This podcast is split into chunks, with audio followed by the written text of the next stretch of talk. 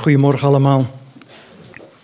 Als je de mail hebt ontvangen voor vanmorgen, voor de dienst, de voorbereidingsmail die we altijd uitsturen in de week voorafgaand aan de zondag, dan uh, heb je al uh, begrepen, en vanmorgen heeft Stefan het ook al gezegd, waarover ik vanmorgen graag iets met jullie wil delen. En dat is over, um, met één woord gezegd, over misleiding. En de titel die ik daarboven heb gezet vanmorgen is Laat je niet misleiden.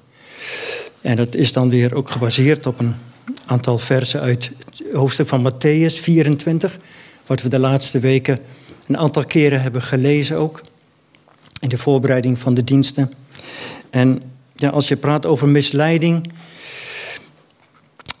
ja, misleiding, dat zit eigenlijk heel diep in onze samenleving, overal om ons heen.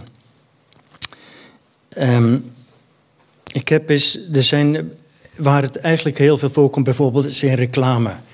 Ik heb eens twee plaatjes even gemaakt, vanmorgen als een inleiding, ook om jullie aandacht even te vangen natuurlijk.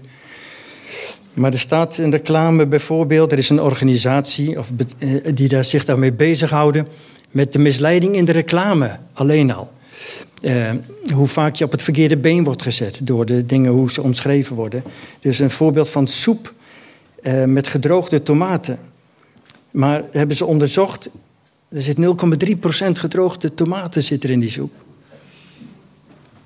Ja, dat kun je toch wel eigenlijk wel misleiding noemen. Er waren een heleboel plaatjes. Uh, in de voorbereiding van vanmorgen heb ik gezien, maar ik heb er twee. Dacht ik neem eens mee. Een prachtige, ambachtelijk aardbeientaartje. Dat ziet er ontzettend. Ik zou, als ik hem zag liggen, zou ik hem zo meenemen. Ellie zegt dat ik te vaak zoiets meeneem. En ik zou die zo meegenomen hebben.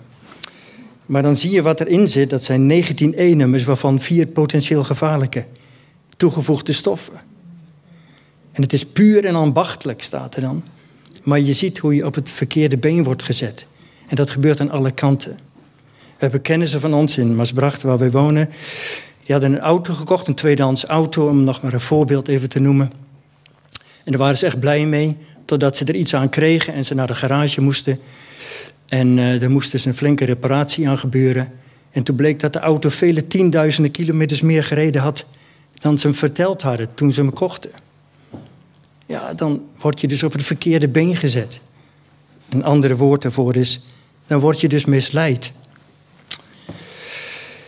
Iemand schreef een boek met de titel Door leugens verleid. En dat vertelt over de grootste misleidingsoperaties uit de geschiedenis. Een verontrustend boek ook, werd ervan gezegd. Maar het werd geschreven om fake news en misleiding en manipulatie te herkennen.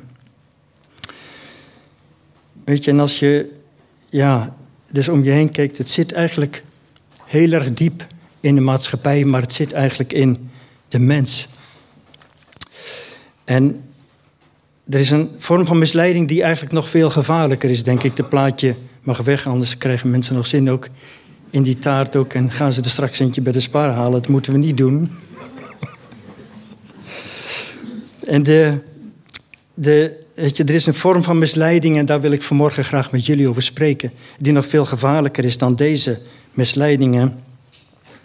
En dat is de, de geestelijke misleiding. Uh, die, uh, die ieder van ons uh, bedreigt. En daar wil ik graag iets gaan lezen, dadelijk ook met jullie. En eerst zou ik graag even met jullie willen bidden.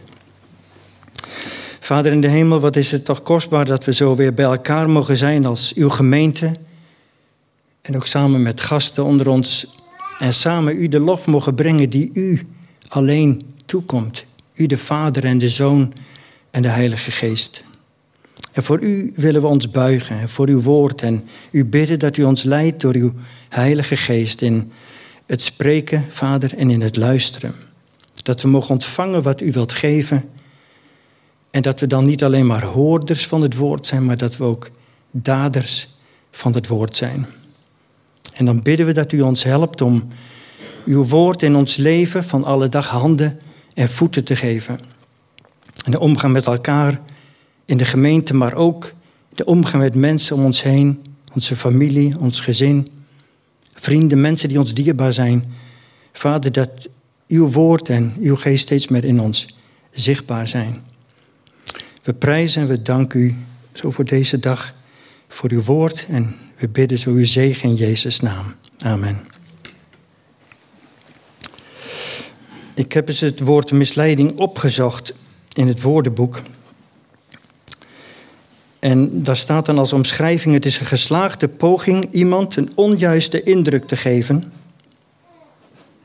En een organisatie die zich veel met reclame voor eten en drinken bezighoudt, die zegt misleiding is een heel groot en structureel probleem.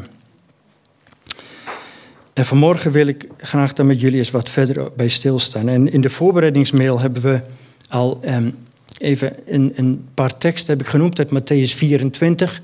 En ook gevraagd of je dat als voorbereiding zou willen lezen. En ik wil die versen nog even met jullie ook uh, lezen vanmorgen. Uit Matthäus 24. Ik heb ze even op sheet gezet ook. En er staat in vers 4 van het hoofdstuk. En Jezus antwoordde en zei tegen hen: Pas op dat niemand u misleidt. En in het elfde vers: En er zullen veel valse profeten opstaan. En die zullen er velen misleiden.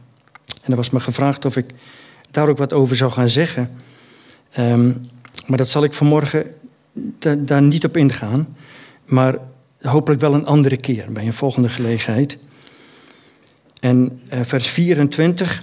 Want er zullen vele valse christenen, er zullen valse christussen en valse profeten opstaan.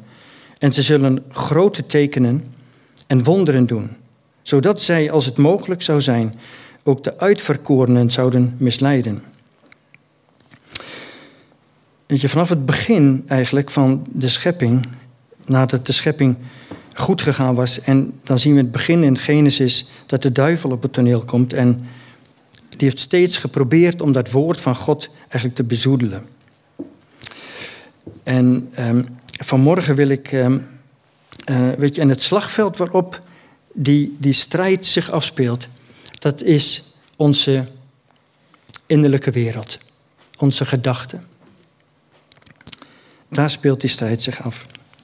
En vanmorgen wil ik met jullie speciaal naar, eh, naar dit hoofdstuk eh, Genesis 3 kijken. Dat zullen we dadelijk gaan lezen, een aantal versen. Maar daar wil ik met name vanmorgen de aandacht, als het ware een vergrootglas, een vergrootglas op dat hoofdstuk 3 van Genesis leggen wat we ook wel het hoofdstuk noemen waar, van, van de zondeval van de mens. Maar wat daar gebeurt is heel, heel erg cruciaal geweest voor ons eh, tot op de dag van vandaag. En dan denk je misschien, ja, dat verhaal uit Genesis, eh, man, dat is al zo lang geleden. Maar in, de, in, de, in, in zijn brief, in een van de brieven die Paulus schreef aan de gemeente Korinthe,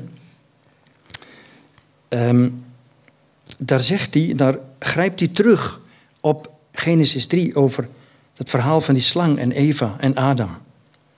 Hij schrijft, maar ik vrees dat zoals de slang met zijn sluwheid Eva verleid heeft,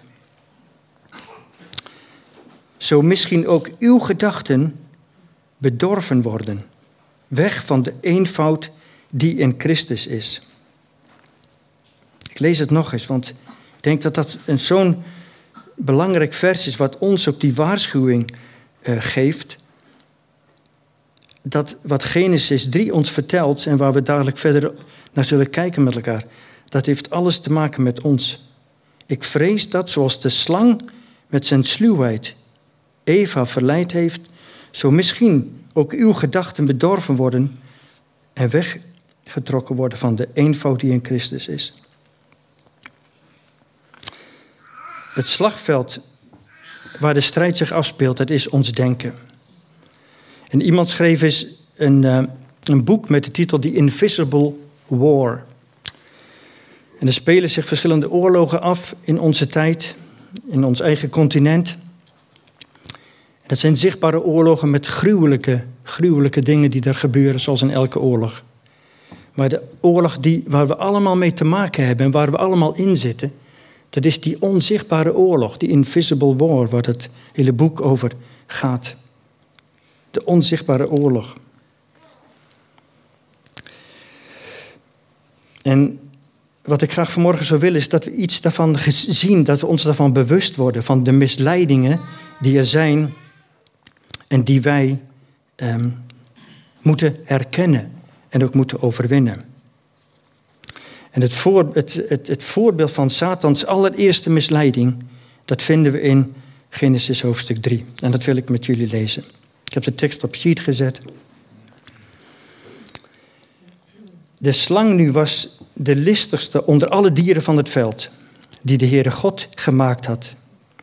En hij zei tegen de vrouw, is het echt zo dat God gezegd heeft, u mag niet eten van alle bomen in de hof?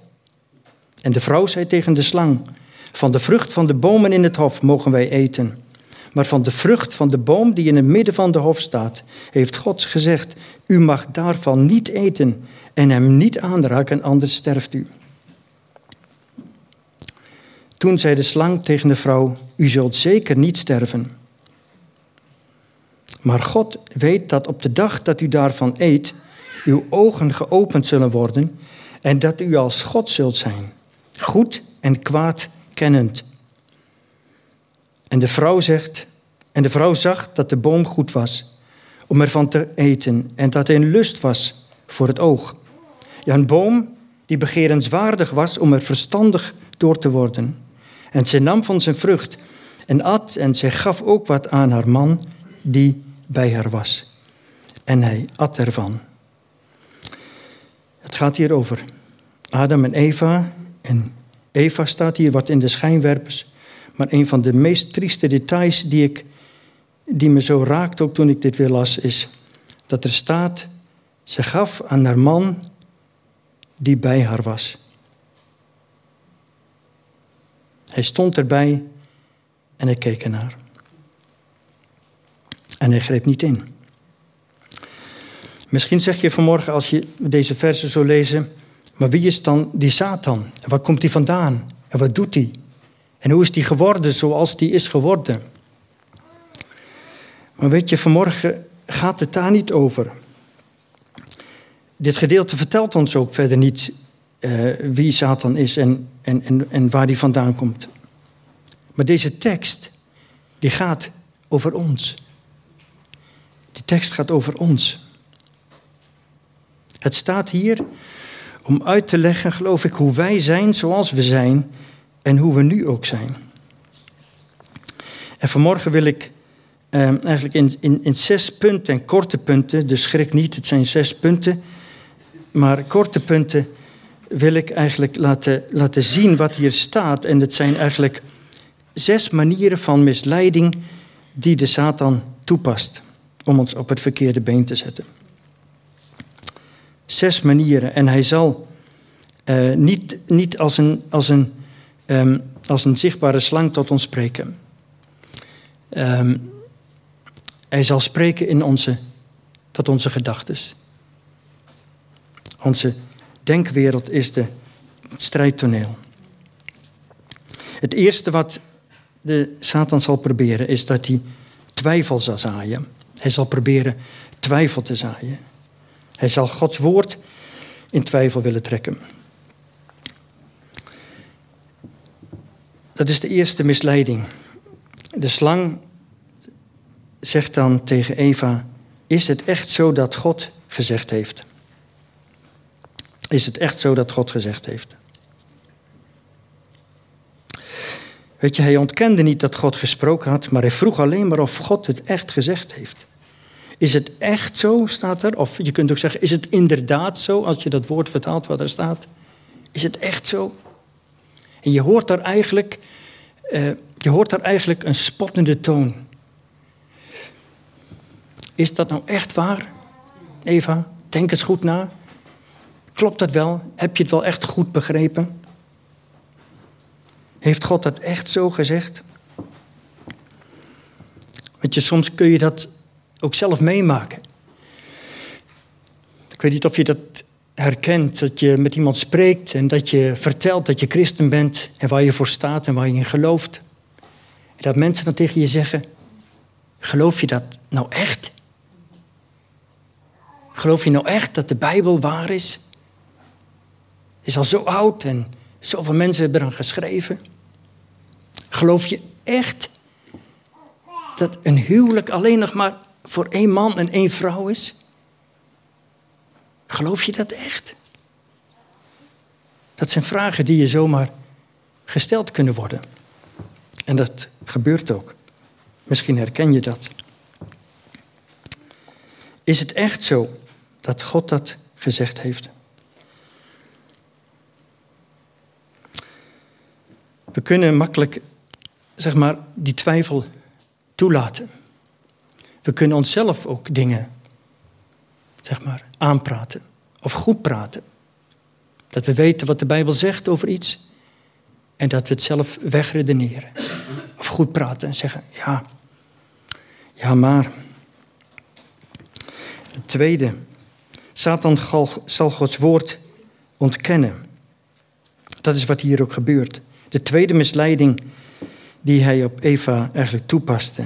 Satan zegt, je zult zeker niet sterven. Je zult zeker niet sterven, zegt hij tegen de vrouw.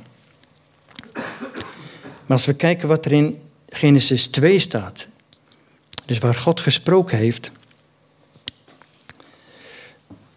daar staat maar van de boom van de kennis van goed en kwaad, daarvan mag u niet eten, want op de dag dat u daarvan eet, zult u zeker sterven.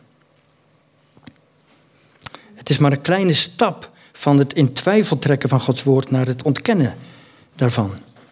Natuurlijk hadden Adam en Eva de dood nog nooit gezien. Ze waren de eerste hier op aarde. Ze hadden alleen dat woord van God dat gezegd had: als je daarvan eet, zul je zeker sterven. Weet je, we hebben geen andere keus dan te zeggen: als de Heere God ons iets vertelt in zijn woord, dan moeten we dat geloven. Niet in twijfel trekken, niet ontkennen. Gods woord in de Bijbel bevat woorden van leven. Het derde waar de Satan mee komt. Hij komt met een leugen.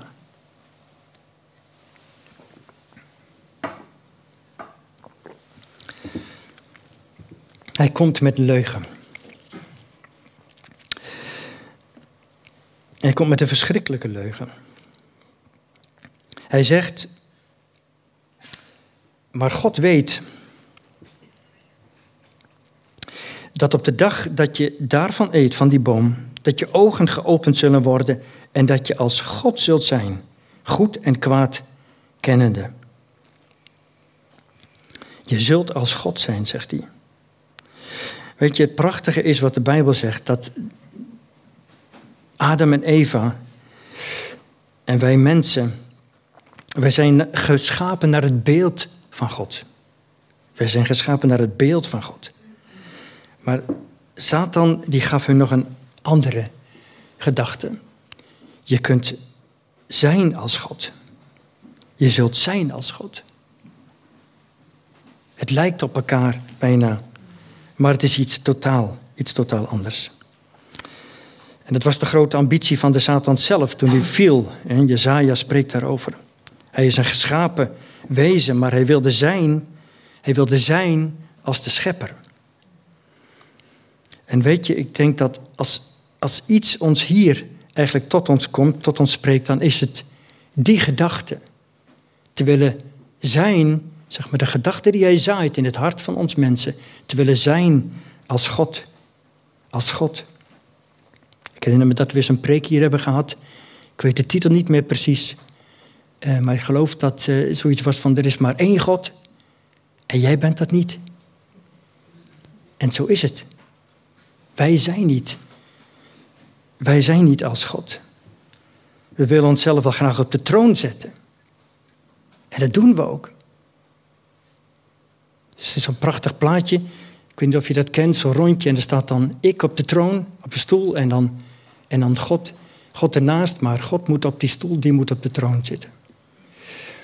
Maar ik vrees dat het soms ook zo is dat we ook als christenen ook op de geestelijke troon willen zitten. We willen zelf bepalen hoe het leven moet gaan, hoe ons leven moet gaan. We willen zelf beslissen wat goed en niet goed is. Maar Jezus, die daalde af van zijn troon, zegt de Bijbel. Hij daalde af van zijn troon. Maar wij, wij willen daar graag op zitten.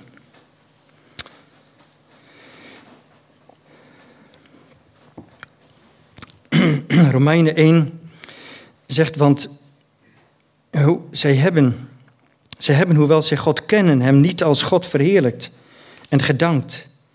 Ze hebben de waarheid van God vervangen door de leugen. En het schepsel vereerd en gediend boven de schepper die te prijzen is tot in eeuwigheid. Ze hebben de waarheid van God vervangen door de leugen. En waarom is dat? Omdat de Satan die leugen heeft binnengebracht. De Bijbel zegt van de Satan, hij is de vader van de leugen. Dan als hij spreekt, spreekt hij naar zijn aard, zegt Jezus. Het vierde wat we hier zien in deze verse is dat er iets wordt weggenomen uit Gods woord. Er wordt hier iets weggenomen.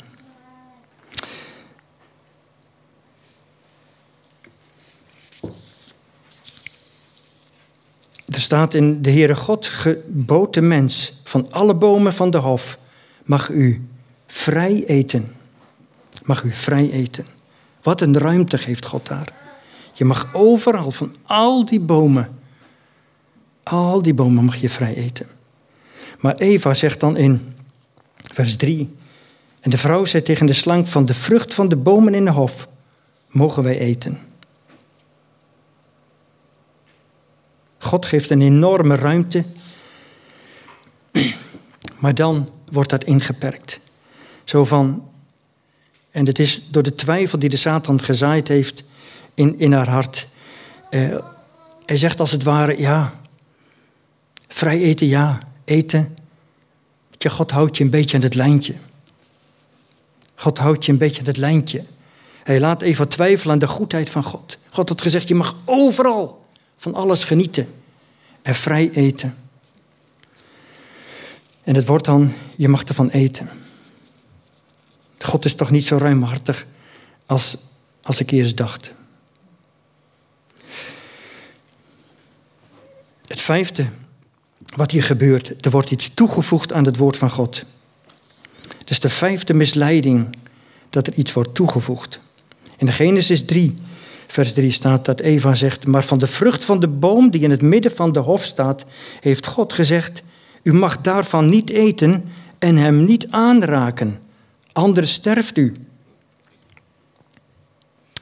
Maar die woorden niet aanraken, die vinden we niet terug in Gods oorspronkelijke opdracht, in wat daarvoor staat in hoofdstuk 2, vers 17.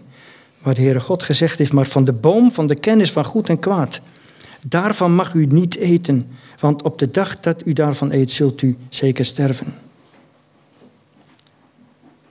Dus niet alleen dat woordje vrij wordt weggelaten, maar er wordt hier iets toegevoegd dat ze hem ook niet mag aanraken. Maar God heeft dat niet gezegd. Zo wordt eigenlijk het zwaarder gemaakt het wordt nog zwaar, meer druk opgelegd. Je mag hem ook niet aanraken. Je mag, er niet naar, je mag er niet van eten, maar je mag hem ook niet aanraken. Maar dat heeft God niet gezegd. Ik moest denken wat staat in Johannes, in Johannes 5. Want dit is de liefde tot God dat wij zijn geboden in acht nemen. En zijn geboden zijn niet zwaar. Zijn geboden zijn niet zwaar. Zo wordt het hier gepresenteerd. Je mag hem zelfs niet aanraken. Maar Gods geboden zijn niet zwaar, zegt Johannes. Ik moest denken ook aan, aan het uh, voorbeeld, ik heb dat wel eens vaker gebruikt, dat toen onze kinderen klein waren, mochten ze niet op straat spelen. Was de regel, je blijft alleen achter het huis in de tuin en de deur gaat op slot en je mag niet naar de straat. Dat hadden ze kunnen doen, maar dat was afgesloten voor ze. En ze hadden de hele tuin mochten ze inspelen. En waarom deden we dat? Waarom beperkten we hun vrijheid en zeiden van dit mag je en het andere mag je niet? Dat was om hen te beschermen voor de gevaren die er liggen als je er op de straat gaat spelen en je daar te klein voor bent. En wat God geeft is dat, die, dat ze overal van mogen genieten. Maar het wordt gepresenteerd door de boze als het is zwaar, maar zijn geboden zijn niet zwaar. Het zesde, het laatste, is je kunt Gods woord ook veranderen. Dus de misleiding kan zijn om iets toe te voegen aan Gods woord. De misleiding kan ook zijn om iets weg te laten. Maar het kan ook zo zijn dat je het woord van God gaat veranderen. Genesis 3. Toen zei de slang tegen de vrouw: U zult zeker niet sterven. Maar God had iets totaal anders gezegd. Genesis 2, vers 17. Maar van de boom van de kennis van goed en kwaad, daarvan mag u niet eten, want op de dag dat u daarvan eet, zult u zeker sterven. God zei niet opdat je niet sterft. Op de dag dat je daarvan eet, zul je zeker sterven. De straf voor ongehoorzaamheid, zoals de vijand die voorstelde, die leek niet zo zwaar. Daarom kon Eva nog overwegen om Gods wil eh, te laten voor wat hij was en de wil van de Satan te gehoorzamen.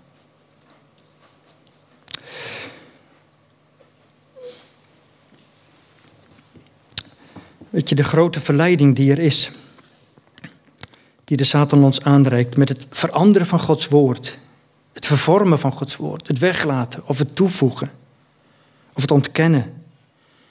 Het is dat we, dat we onafhankelijk van Hem gaan leven.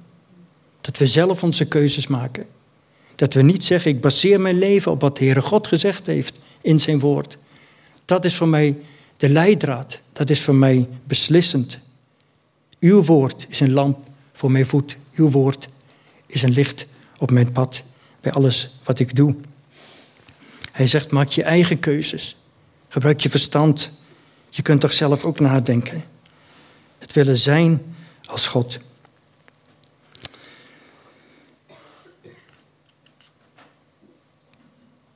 Weet je, ik wil vanmorgen, ik wil ook zoeken naar een toepassing met jullie samen. De toepassing van wat, wat doe je met Gods woord? Hoe ga je daarmee om? Hoe ga je daarmee om? En hoe beslissend en hoe belangrijk en hoe doorslaggevend laat je Gods woord in je leven zijn?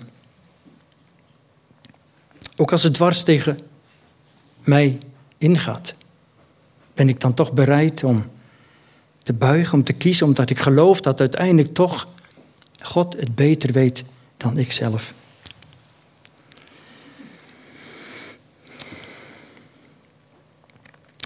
Genesis 3, vers 6.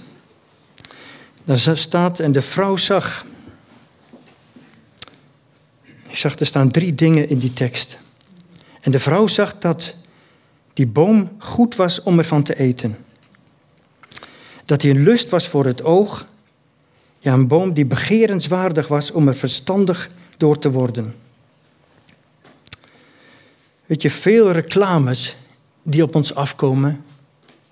Ik denk elke dag dat iedereen daarmee te maken heeft die appelleren aan onze lichamelijke en aan onze geestelijke behoeftes. En de vraag is, hoe reageren we bijvoorbeeld daarop? Hoe ga ik daarmee om? Heel vaak wordt ons, zeg maar, worden we bestookt met reclame over eten en drinken. Lichamelijke behoeften die we hebben aan eten en drinken. Maar Paulus die heeft het bijvoorbeeld ook over mensen die van hun buik een afgod maken. En je kunt te veel en ongezond eten als een reactie op een innerlijke leegte of pijn waar je mee te maken hebt. En je eigen lichaam beschadigen daarmee. Het appelleert aan onze behoeftes en dan vraag is hoe gaan we daarmee om? Het was een lust voor het oog, staat er. Die boom was een lust voor het oog. En hoe gemakkelijk, hoe gemakkelijk komen we niet tot zonde door dingen die we zien, de dingen om ons heen. In tijdschriften die we lezen of de televisie waar je naar kijkt. Het is een lust voor het oog. Een lust kan iets positiefs zijn. Het volk had lust om te werken, staat ergens geloof ik in de Bijbel. Dat is iets positiefs. Maar vaak is lust ook iets wat zomaar negatief kan uitpakken. We hebben het woord kooplust bijvoorbeeld. Kooplust, en dat is dan niet goed, dat hoor je wel. Dat klinkt niet goed. En dat kan een reactie zijn op, op, op, op, leegte, op, op moeite waar je mee zit, op verdriet of pijn. En dat gebeurt gewoon vaak. Dat mensen dan maar gaan kopen en dingen gaan kopen om die leegte, die emotionele pijn te verdringen.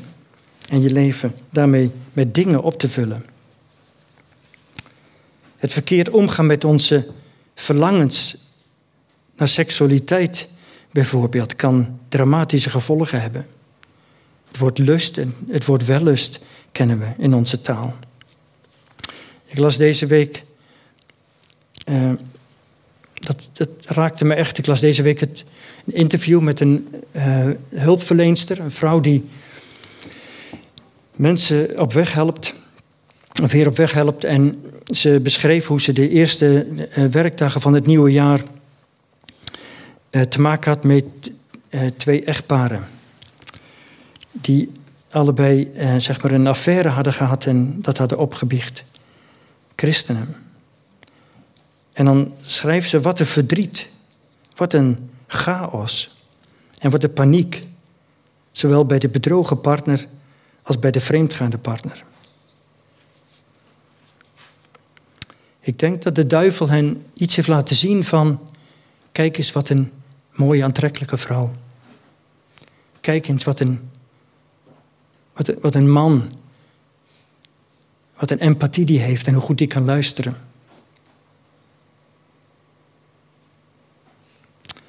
En voor een korte tijd van plezier misschien is er een enorme chaos en schade ontstaan. Door de lust van het oog, door wat we zien, kunnen we zo misleid worden. En dan de derde wat die tekst zegt. Het was begerenswaardig. Die boom was begerenswaardig om er verstandig door te worden. Om er verstandig door te worden. Er ligt een enorme nadruk in onze samenleving op het verstand, op kennis, op wetenschap. Wetenschap wordt vaak tot een soort God verheven, want de wetenschap heeft het gezegd en dan is het zo. En met AI kunstmatige intelligentie wordt het onze, onze waardering en onze aanbidding van kennis wordt nog veel groter. Maar het vertrouwen op eigen verstand is een groot gevaar. En onze menselijke inzichten te denken dat we niet vatbaar zijn voor misleiding.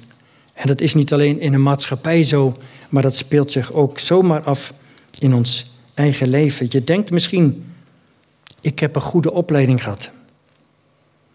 Ik heb een hoop levenservaring al. Ik heb veel meegemaakt. Ik zie heel goed hoe de maatschappij en de wereld in elkaar steekt. En mij maken ze niets wijs. Ik word niet misleid. Dat gebeurt mij niet. Maar weet je, als we zo denken, dan geloof ik dat we al misleid zijn. Ik was zo bezig in de voorbereiding deze week en ik moest denken opeens dat, uh, dat een tekst ergens in de Bijbel staat: wees op je hoede. Wees op je hoede. En ik zocht het eens op en het stond er heel vaak. Het stond heel vaak: wees op je hoede. Pas op, kijk uit. Spreuken, 5, Spreuken 3, vers 5 zegt: Vertrouw op de Heer met heel je hart en steun op je eigen inzicht niet. Wees niet wijs in eigen ogen. Vrees de Heer en keer je af van het kwade. Steun op je eigen inzicht niet. Wees niet wijs in je eigen ogen. Gebruik je verstand? Ja, natuurlijk. Maar vertrouw op, Heer, op de Heer met heel je hart. Ik wil het afronden vanmorgen. Je ziet bij Eva, ze moet een keuze maken. Ze moet een keuze maken. Is het Gods woord of is het de influisteringen van de Satan? Ze verwierp Gods woord, geloofde wat de Satan zei en werd zo misleid en ze zondigde. En de verschrikkelijke gevolgen van die ongehoorzaamheid aan Gods woord maken we allemaal tot op de dag van vandaag mee. En de vraag is, heb ik één van die zes leugens, heb ik die zelf in mijn leven? Herken ik die? Doe ik dat? Ga ik zo om met dat woord van God?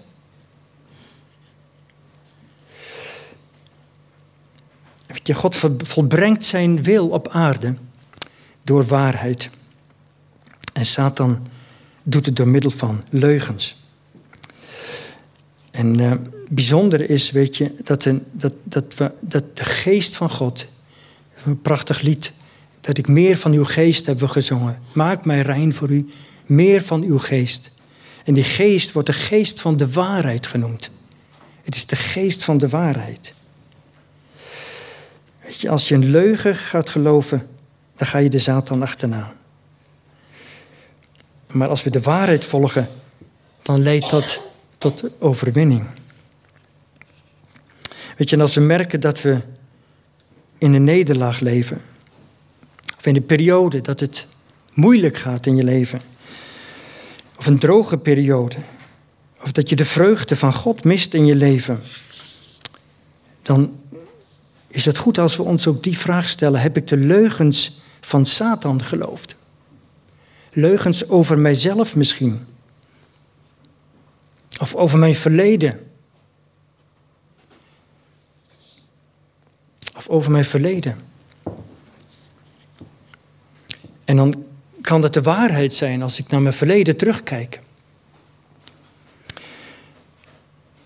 Maar de vraag is, baseer ik me dan in mijn denken op de genade van God die hij geeft? Het loon dat de zonde geeft, zegt Romeinen, is de dood. En als daar een punt zou staan, dan is het, ziet het er niet best uit. Maar de genade die God geeft, zegt de Romeinen, is het eeuwige leven. God geeft genade. Weet je, van als ik regelmatig met depressieve gedachten te maken heb. Of als, het, als je, je kunt je afvragen waarom, waar komen die gedachten vandaan die ik zomaar in me, die zomaar in me zijn. Ik weet niet of je dat wel eens hebt afgevraagd. Dan ben ik de enige, zeker. Dat je soms van die gedachten hebt. Dat je denkt, hoe kan dat? Hoe komt dat? Hoe kan ik zo denken? Dan stel, je vraag, stel jezelf de vraag, hoe komt het? Waar komen ze vandaan? En is het een van de leugens die de Satan ons influistert via andere mensen of iets wat je hoort of leest? Weet je, door te leren denken zoals God over ons denkt, door zijn gedachten in de plaats te brengen van die andere gedachten, kan er zeg maar, vrijheid komen en kan er herstel en genezing zijn. Ik moest denken aan een tekst uit Jesaja, waar staat dat God ons een lofgewaad wil geven in plaats van een benauwde geest. Een lofgewaad in plaats van een benauwde en depressieve geest. Weet je, de duivel heeft veel heeft met zijn leugens veel gelovigen misleid. Ook in onze tijd. En het doet dat nog steeds. Als het gaat over allerlei opvattingen die zo in, in het brandpunt van de belangstelling staan over man en vrouw zijn en over het huwelijk, over seksualiteit, over relaties van mensen eh, van hetzelfde geslacht en zelfs over het inzegenen daarvan.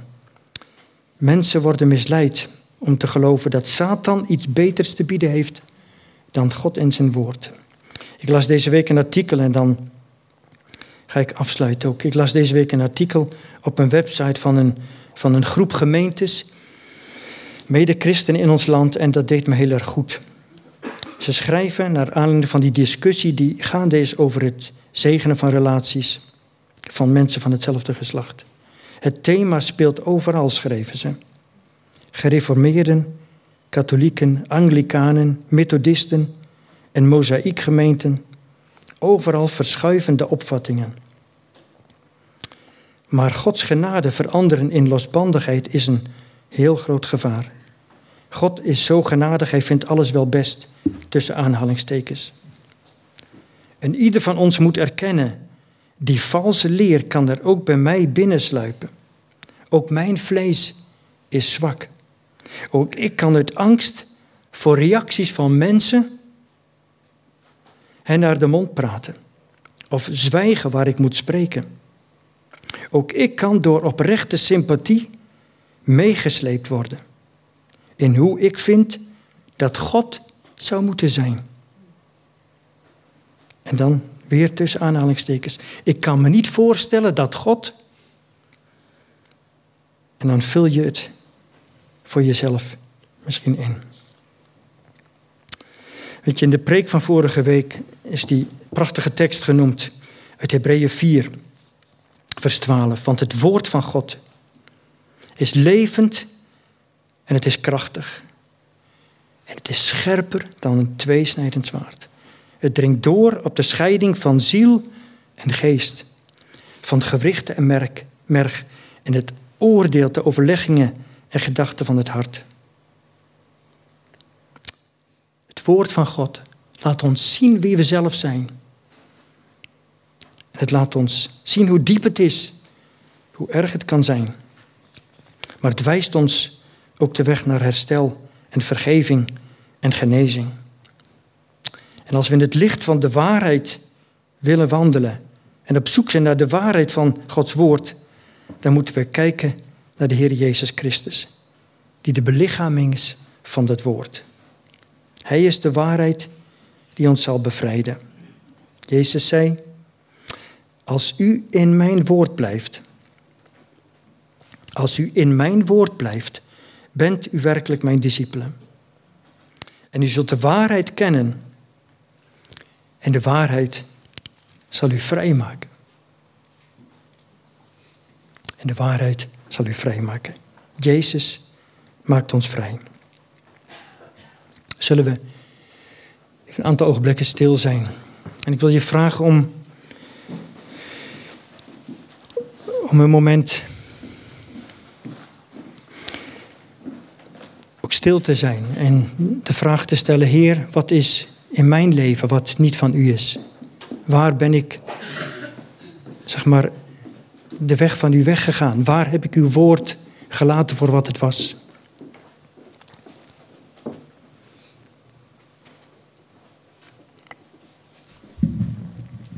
En dat dan te plaatsen in het licht van de Heer Jezus. Die zegt, ik ben de waarheid, ik ben de weg, ik ben het leven. Kom tot mij met je vermoeidheid, met je belastheid. En ik zal je rust geven.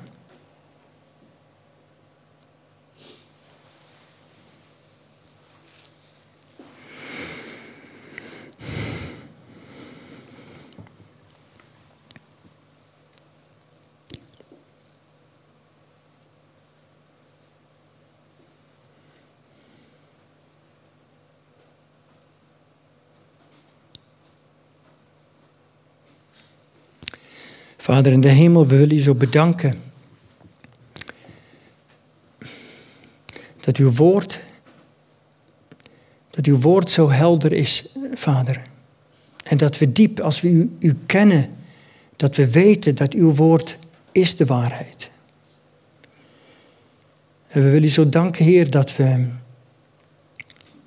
met alles wat in ons is, naar u mogen toekomen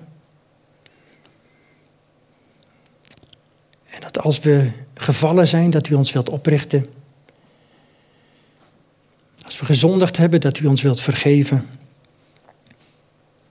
En dat u onze gedachten wilt vullen met gedachten van u. Met een lofgewaad. Met vreugde, met dankbaarheid, met vrede, met blijdschap. Vader, we willen zo u prijzen en eren. En bidden om uw zegen over onze levens, over onze gedachtenwereld, over onze gezinnen, over onze kinderen en onze kleinkinderen. Bedank u, Vader, voor het nieuwe leven wat u gebracht heeft, gegeven heeft. Steeds is dat weer zo'n groot wonder als we nieuw leven mogen begroeten. Heer, we willen u eren om de God die u bent. In Jezus' naam. Amen.